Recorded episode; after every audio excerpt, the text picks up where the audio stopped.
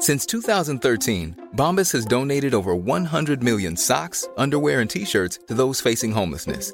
If we counted those on air, this ad would last over 1,157 days. But if we counted the time it takes to make a donation possible, it would take just a few clicks. Because every time you make a purchase, Bombas donates an item to someone who needs it.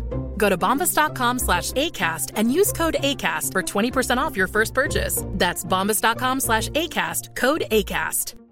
Hey, it's Ryan Reynolds, and I'm here with Keith, co star of my upcoming film, If, only in theaters, May 17th. Do you want to tell people the big news? All right, I'll do it. Sign up now and you'll get unlimited for $15 a month in six months of Paramount Plus Essential Plan on us. Mintmobile.com slash switch. Upfront payment of $45 equivalent to $15 per month. Unlimited over 40 gigabytes per month. Face lower speeds. Videos at 480p. Active Mint customers by 531.24 get six months of Paramount Plus Essential Plan. Auto renews after six months. Offer ends May 31st, 2024. Separate Paramount Plus registration required. Terms and conditions apply if rated PG. It's that time of the year. Your vacation is coming up. You can already hear the beach waves, feel the warm breeze, relax, and think about work. You really, really want it all to work out while you're away. Monday.com gives you and the team that peace of mind. When all work is on one platform and everyone's in sync, things just flow wherever you are. Tap the banner to go to Monday.com.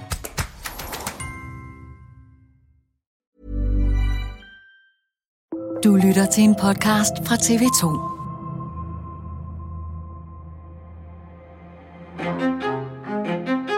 Den magt, kongehuset har, kommer til udtryk ved, at når de har et eller andet, de gerne vil have til at ske, så kan de få nogen til at sponsorere det eller engagere sig i det. Og hvis de har et eller andet i virkeligheden, som er knyttet til deres privatforbrug, så er der som regel også nogen, der er villige til at give en gave, så de kan have en, en endnu federe livsstil. Det kan være øh, kapsejladsbåde, det kan være lån af privatfly, det kan være ture til Formel 1 i VIP-lounges, det kan være, at man sponsorerer en ridebane, alt sådan noget.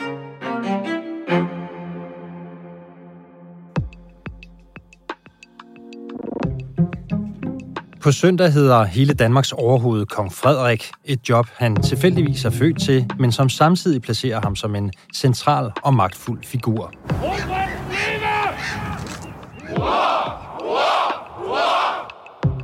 For selvom kongefamilien tit bliver beskrevet som kransekagefigurer, så kommer samfundets spidser, kultureliten og de største erhvervsledere, når kongehuset kalder. Men hvad får eliten ud af at være tæt på kongehuset, og er det på tide, at vi får øjnene op for, hvor meget magt den royale familie egentlig har? Det er dato i dag. Mit navn er Lasse Sjørslev.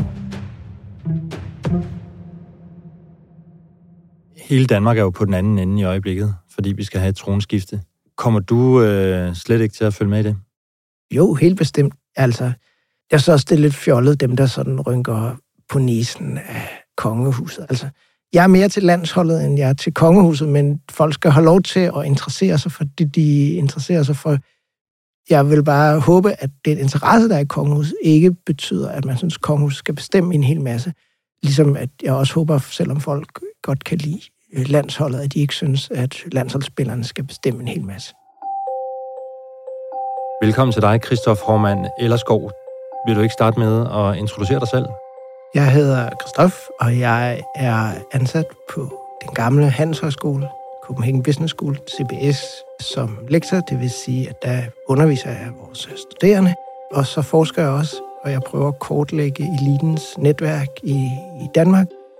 Og i den forbindelse er jeg også stødt på en masse kongelige netværk. I sit arbejde som forsker har Christoph Hormann Ellerskov kortlagt de 423 mest magtfulde danskere og deres netværk.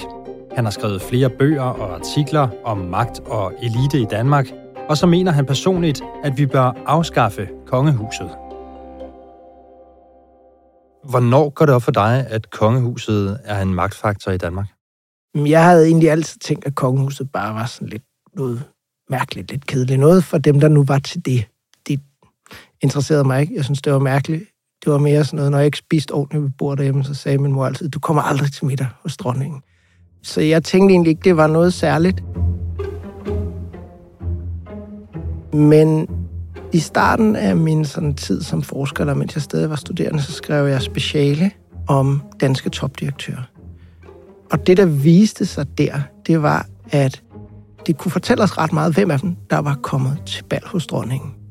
Og der kunne vi se, at dem, der kom til bal hos dronningen, jamen det var ligesom selv ind i denne her super eksklusive gruppe, altså de 100 vigtigste direktører, der var det ligesom kremen af kremen, der kom til ballerne hos dronningen. Det var også dem, der sad i hinandens virksomhedsbestyrelse. Det var dem, der fik mest i løn. Det var dem, der styrede de allerstørste og frem for alt de mest hæderkronede de her virksomheder. Så på den måde, så kan man sige, så gik det måske op for mig, der at kongehuset også fungerer som sådan en slags blåstempling af, hvem der virkelig er vigtige i vores samfund. Og det blev ligesom en indgang til at forstå det, som vi nogle gange kalder sådan den symbolske magt, som kongehuset har. Altså det her med at kunne sige, hvem er med i klubben, og hvem er ikke med i klubben. Og hvad betyder det for den almindelige dansker, øh, for dig, for mig, at øh, kongehuset har den her, som du kalder, symbolske magt? Det betyder, at det forstærker den magtkoncentration, vi allerede har i samfundet. Det vil sige, det er med til på nogen måde at gøre de rige rigere, bare også i forhold til at sige, hvem er med i klubben, hvem er de vigtigste personer i det danske samfund. Og så skal vi her hjem igen, hvor verdens største containerskib i dag er blevet navngivet ved Lange Linje i København. Jeg døber dig, Majestic Mask. Det danske kronprinspar gæster lige nu Indien sammen med 38 danske virksomheder. Det handler om at skaffe ordre til Danmark. Som mange nok har opdaget, så finder årets udgave af Royal Run sted i dag, og løbet sætter ny deltagerrekord med 93.000 tilmeldte. Der er jo mange, der øh, tit omtaler de royale sådan som en slags øh, kransekagefigurer, der ikke sådan har nogen reel magt i samfundet. Er det et retvisende billede? Det er ikke et retvisende billede, at kongehuset ikke har nogen reel magt. Man kan sige, de har jo, hvis man kigger på grundloven, har de faktisk noget magt. Den bruger de sig ikke, og de vil nok også miste den, hvis de brugte den. Men så har de altså også denne her symbolske magt, som gør, at rigtig mange andre elitepersoner er interesseret i at have noget med dem at gøre. Og det vil jo så også sige, at folk er villige til at sponsorere det, de går op i. Jeg var lige ved i dag at tage min Royal Run t-shirt på. Hvis man kigger på den for eksempel, så kan man se, at en masse store danske virksomheder sponsorerer sådan noget som Royal Run. Så hver gang kongehus har lyst til at få noget til at ske, så er rækken af donorer, der gerne vil hjælpe med at få det til at ske. Den er lang. Og hvad siger det dig? Det siger mig jo noget om, at hvis magt også handler om at kunne få ting til at ske, jamen så betyder kongehuset noget, og det betyder også, at rigtig mange store virksomheder er villige til at, at give ting til kongehuset. Det kan vi jo også se, hvis vi kigger på operan, så den er jo også sponsoreret for eksempel af Mærsk, særligt med henblik på at ligge i forlængelse af Amalienborg. Og for eksempel har Mærskfonden også sponsoreret sådan en ridebane og stalle op ved Fredensborg Slot, som kronprinsparet bruger igen skal man huske, når fondene giver det her, så er det jo endda også med skattefradrag. Fordi det er til noget almindeligt. Vi kunne også se, at nogle af de store jyske industrifamilier, Lego-familien, Danfoss-familien, Eko-familien, de købte jo prins Joachim ud af Schackenborg, da han ikke syntes, det var sjovt at have det længere, betalt, jeg tror, det var omkring 100 millioner for det, for at købe ham ud. Og så har de stillet det til rådighed for ham. Så det er jo ikke en deal, du eller jeg får, at der er nogen, der gerne vil købe vores bolig for 100 millioner, så bagefter låne den ud til, stille den til rådighed for os gratis. Øh, eller hvis der er nogen derude, der, der har lyst til det, så, øh, så siger jeg gerne ja tak til den deal. Så det fortæller jo også om, at der er nogen, der ikke bare er begejstret for kongehuset, men faktisk også villige til at lægge ret mange kroner og øre for at komme tættere på dem. Hvad er det så omvendt, der gør, at øh, det er godt at være tæt på kongehuset? Hvis man er tæt på kongehuset, så får man denne her symbolske magt. Man får denne her ære, og man får simpelthen et netværk. Også at komme med til de her statsmiddage. Altså så for virksomhederne, der betyder det, at så har de en mulighed for at komme i kontakt med politikere og virksomheder fra andre lande, for eksempel. Så, så helt konkret kan man bruge det til noget netværksagtigt. Men man kan jo også bruge det på den måde, at de ligesom understreger ens gode navn, som gør, at der kan både være en brandingværdi, der kan også ligesom være, jamen, det her det er en person, der er til at, at stole på. Det her det er en ordentlig familie. Dem, der får kongehusets begunstigelse, det er typisk de gamle, sådan erhvervsdynastifamilier. Så det er netop Mærsk og Lego og Grundfos og Danfoss og så videre. Så på den måde er det også ligesom et tegn på, både man er en del af det gode selskab, og man opfører sig ordentligt. Og du har jo tidligere sagt det her med, at øh, kongehuset mest af alt har en symbolsk magt. Hvad er det, du mener med det? Det, jeg mener med den symbolske magt, det er, at man ved at invitere nogen indenfor, ved, for eksempel hvis man giver dem en orden, altså sådan et, et ridderkors, så markerer man ligesom, at det her er et vigtigt menneske. Så det er jo ikke, det er jo ikke en magt, som gør, at de bliver puttet i fængsel. Kongehuset putter ikke folk i fængsel. Det er heller ikke en magt, som direkte giver dem en masse penge, så det er heller ikke en økonomisk magt, men det er en magt, som er med til at sige, at det her er et godt menneske, det er et ærefuldt menneske, det er et menneske, der har betydet noget for det danske samfund. Så på den måde er det jo sådan meget symbolsk magt, der sådan på en eller anden måde knyttet til sådan det helt sådan gammeldags ord ære. Nogen vil måske sidde og sige, øh, ja, det er vel ikke nogen overraskelse, at det er sådan, at et kongehus har en, har en magt. Hvad siger du til det? Så siger jeg, det er jo, det er jo rigtigt. Kongehuset har altid haft magt, men meget af vores demokratis historie har jo handlet om at tage magt fra kongehuset. Det, som man kan sige er problemet lige nu, synes jeg, det er, at den magt, de har, har vi ikke rigtig hånd i hanke med, fordi det hele foregår sådan lidt privat. Kongehuset for eksempel undtaget for reglerne om agtindsigt, det vil sige, I journalister kan ikke undersøge, hvorfor var det, denne her person blev inviteret med til denne her middag frem for nogle andre. Det betyder også, at de ikke er omfattet af de her regler for korruption. Vi talte lige før om det her med de her gaver, som kongehuset får. Hvis det var en minister, der fik de gaver, ville det være hamrende ulovligt. Så derfor så handler meget af det måske bare om at sikre sig, at kongehuset er under demokratisk kontrol. Det vil sige, at journalister som dig kan søge agtindsigt i, hvad de laver, og vi ikke blander kongehusets personlige interesser og hvem der giver dem gaver, sammen med den her officielle funktion med at blåstemple folk. Men man kan også sige, altså, det er jo ikke, fordi de går og skjuler deres magt. Altså, de har ordner på, de kører i guldkaret, de bor på et stort slot, så de prøver ikke ligefrem at holde det hemmeligt. Nej, det, det, det kan man ikke sige, og, og de er jo sådan set også, der er jo fin offentlighed om, hvem der er med til gæstelisterne osv. Det er mere det her med, at man ikke kan få adgang til, hvorfor er det, at denne her person indstilles til at få en orden. Det samme gælder i virkeligheden de der kongelige hofleverandører. Hvorfor er det, at denne her virksomhed bliver opstillet? Der er normalt i resten af vores stat, altså, der skal vi jo opstille klare kriterier for, hvorfor vi gør tingene og behandle tingene efter et bestemt sæt regler. I morges blev november måned bogstaveligt talt skudt i gang, da hans kongelige højhed, kronprins Frederik, havde indbudt til kongejagt. Noget, der ligger mig meget på sinde, at have mulighed for dels at bringe folk, som kender området bedre end mig her, og som også går på jagt, bringe dem sammen, og selvfølgelig også nyde hinandens selskab. Og dem, der deltog i dag, var blandt andet repræsentanter fra dansk erhvervsliv, for eksempel fra Lego, fra Egmont og Årstiderne.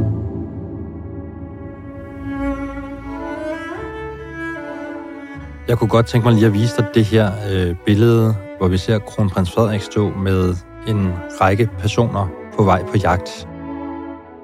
Hvad ser du der? Jamen, jeg ser kronprinsen stå ligesom foran en skare af, af mennesker i jagttøj. Der er ikke så mange kvinder imellem, og, og der er lidt gråt på toppen af håret på nogle af dem. Hvad er det, der foregår på de her jagter?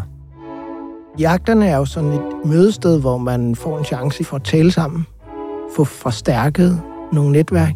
Og på jagterne har man både sådan en gruppe, der altid er med, eller næsten altid er med, øh, som er hofjægermestre. Det vil typisk være adelige eller ejere af store virksomheder, som har et gods også. Og så vil det være måske også nogen fra den lokale elite i det område, hvor jagten bliver afholdt. Og hvad kan det bruges til for dem, der er med? Det er jo en måde, som de her netværk generelt fungerer på. Det er en måde, hvor man kan følge hinanden lidt på tænderne, finde ud af, hvor nogle andre står. Så det er jo en måde, nogle gange måske også under lidt mere uformelle rammer og tale om et problem eller et samarbejde, sådan så næste gang man skal mødes og faktisk formelt aftale det, jamen så har man allerede en fornemmelse af, hvor hinanden står. Er det noget, man kan bevise, at det fungerer sådan? Det kan man sige, at både vores egen interview med nogle af de her elitefolk, som vi har lavet, og en lang række international forskning, viser, at de her netværk fungerer til at, hvad man siger, at skabe sammenhold internt i en gruppe. Fordi hvis du røvrender nogen ved en deal og skal mødes med dem på jagt tre dage senere, så kan det godt være lidt sådan awkward, ikke? Så det er også en måde at sikre sig, at folk faktisk opfører sig ordentligt over for hinanden. Men på den måde er det også med til at etablere, at det her det er den gruppe, du skal opføre dig ordentligt overfor. Det lyder da egentlig meget godt. Det er jo meget godt. Det er bare øh, meget federe så at være i gruppen, man skal opføre sig ordentligt overfor. Fordi så står øh, valget og skulle røvrette nogen, du går på jagt med, og nogen røvrette nogen, du ikke går på jagt med. Så vil du hellere øh, røvrette dem, du ikke går på jagt med. Særligt fordi, at de andre kommer med et skarpladt gevær i nærheden af dig øh, et par uger senere.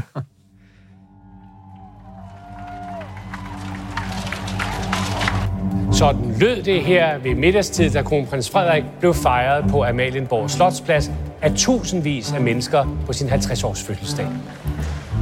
Og her er vi så indenfor i Fløjlske Marked. Det er altså her, gæsterne nu kommer ind og hilser på dronning Margrethe og på kronprinsparet. Her har vi så Anders Holt Poulsen. Gift. Poulsen fra Bestseller, ja. firmaet.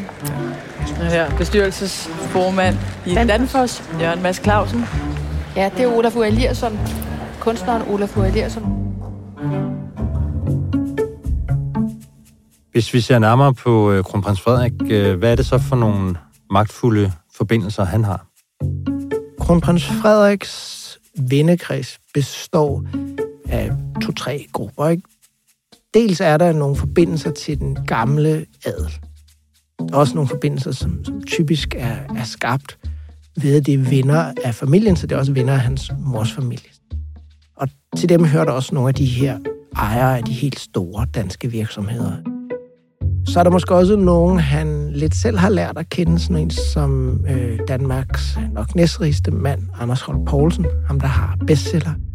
Og så er der også sådan en bekendtskabskreds, kan man i hvert fald se, som han har fået gennem sin tid i militæret, hvor han har nogle forbindelser til nogle, nogle højtstående militærfolk, og også nogle folk, han har lært at kende i militæret, som senere har gjort erhvervskarriere.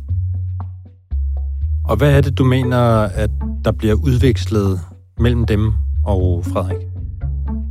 Det, der indtil videre ligesom er blevet udvekslet, det er jo sådan nogle gaver, som for eksempel Lego-familiens overhoved, Kalkær Christiansen, havde inviteret kronprins Frederik med til Luxus Formel 1 i øh, Barcelona.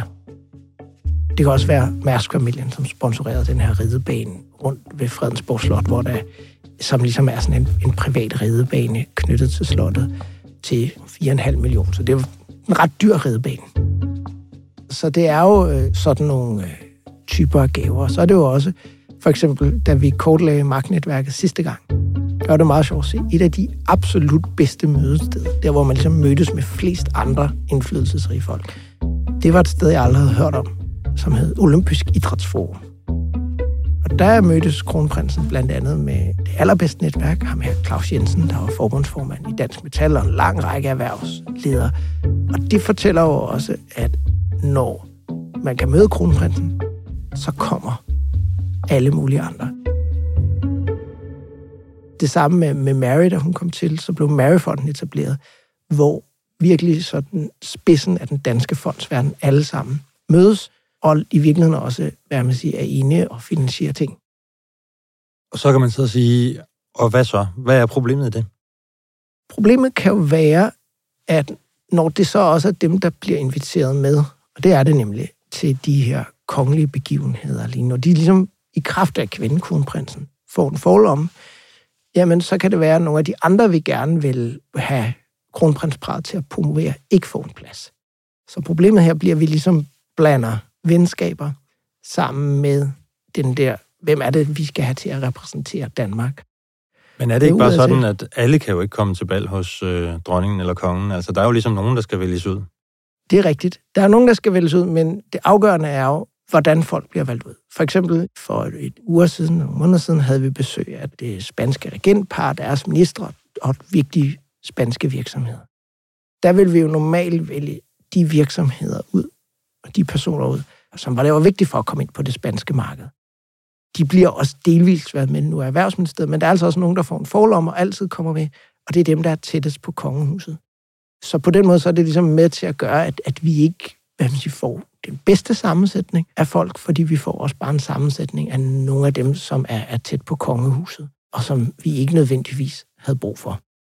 Men er det ikke også bare sådan, verden er, sådan livet er, at der er nogen, der er mere magtfulde end andre, der er nogen, der bliver født med nogle særlige privilegier, nogle særlige muligheder? Det er det, men en stor del af hvad man siger, vores samfunds fremskridt er at begrænse den ulighed, der er på forhånd i forhold til magt. Og det er jo derfor, vi er glade for, at vi ikke har et enevældig konge. Det er jo derfor, vi er glade for, at vi har et demokrati. På den måde, så kan man sige, kongehuset er i virkeligheden en rest af noget, som vi måske ikke længere, ellers når vi snakker om Danmark, betragter som særligt dansk. Vi betragter os som et samfund, hvor vi alle sammen er lige meget værd. Og hvis man har lyst til at have et kongehus, så synes jeg, at det kan man sagtens have en, en diskussion om. Det er bare vigtigt også at have en diskussion om, kan vi have en kongehus på en måde, som ikke er med til at, at forstærke uligheden og forstærke forskellene mellem os alle sammen. En dugfrisk megafonmåling fra TV2 viser, at opbakningen til dronningen er massiv. Og ikke bare til hende, men også til hendes ældste søn og selve monarkiet som institution. 85 procent mener, at dronningens beslutning om at abdicere var rigtig, og næsten lige så mange, 82 procent, vurderer, at kronprins Frederik bliver en god konge.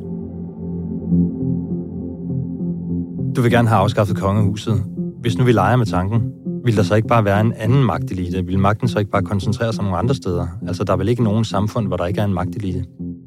Det er der ikke, men det, som måske afgørende, det er, at vi kan holde styr på denne her magtelite, og vi sørger for, at så meget som muligt er under demokratisk kontrol. Så, så man kan sige, man kommer nok ikke ud om at skulle have en eller anden form for officiel repræsentant for staten, men hvem skulle man belønne eller ophøje, hvem skulle inviteres med til de her officielle statsmænd, hvem skulle have ordner, skulle der også være nogle af ildsjælene ude i, i lokalsamfundene, for eksempel. Jamen, så kunne vi have en snak om også, hvordan vi tildelte den slags ting. Men vil der ikke altid i et samfund eksistere nogen, der har mere magt end andre, og i det her tilfælde altså kongehuset, som tiltrækker en elite omkring sig? Jo, alle de samfund, vi kender, der er der nogen, der har mere magt end andre. Men det handler om at begrænse de magtforskelle. Der er der altså stor forskel på kongehuset for 200 år siden, kongehuset i dag. Så det er en knap, vi kan skrue op og ned for. Ja, for vi har et meget mindre magtfuldt kongehus i dag. Meget, meget mindre magtfuldt end for, for 200 år siden. Er det så ikke fint? Det er jo, øh, vi bevæger os i den rigtige vej, men vi kan jo sagtens stadig diskutere, om vi kan skrue mere ned, og måske også, hvorfor vi stoppede med at skrue ned. I virkeligheden burde det jo måske være noget, vi havde en bred samfundsdebat om. Om hvor meget skal vi skrue op og ned for kongehusets magt? Og så også bare huske, at det er jo ikke, hvad man siger, naturgivet, at kongehuset har præcis den magt, som de har nu. Det har også været en lang politisk slagsmål. Det kan godt være, at vi vil, sådan, vil genbesøge det, og bare kan tale om det igen. Hvorfor har du egentlig som øh, forsker overhovedet nogen holdning til, om vi skal have et kongehus eller ej? Det er jo svært ikke at have en holdning. Så, så jeg synes egentlig lige så godt, man kan spille med åbne kort og sige, at jeg har den her holdning. Men jeg håber også, at man kan skelne mellem, at det at vise, at kongehuset har en symbolsk magt, og det at påpege historisk, at det er en magt, man kan skrue op og ned for, det har ikke noget med min holdning at gøre. Sådan ligger landet. Og så kan man sige, at holdningen handler jo mere om, at øh, i virkeligheden at spille med åbne kort og sige, det får egentlig mig til personligt at tænke, vi kan egentlig godt skrue mere ned for kongehusets magt. Men du vil jo ikke bare skrue ned, du vil slukke for det. Ja, men jeg, for mig er det ikke så vigtigt, om vi slukker for det eller skruer ned, men at vi i hvert fald, hvad kan man sige, får debatten om det. Og det er ikke så vigtigt for mig, om vi har en dronning, eller en konge, eller en præsident. Men det er vigtigt for mig, at vi sørger for, at den magt, de har, er under demokratisk kontrol. Altså meningsmålingerne lige nu viser at kongehuset har en kæmpe stor opbakning. Er det ikke bare et billede på, at danskerne er glade og tilfredse for det kongehus, vi har? Jo, men jeg tror, vi skal måske skille mellem, at folk er glade for at have et kongehus, og så snakken om, hvad for en slags kongehus vi skal have.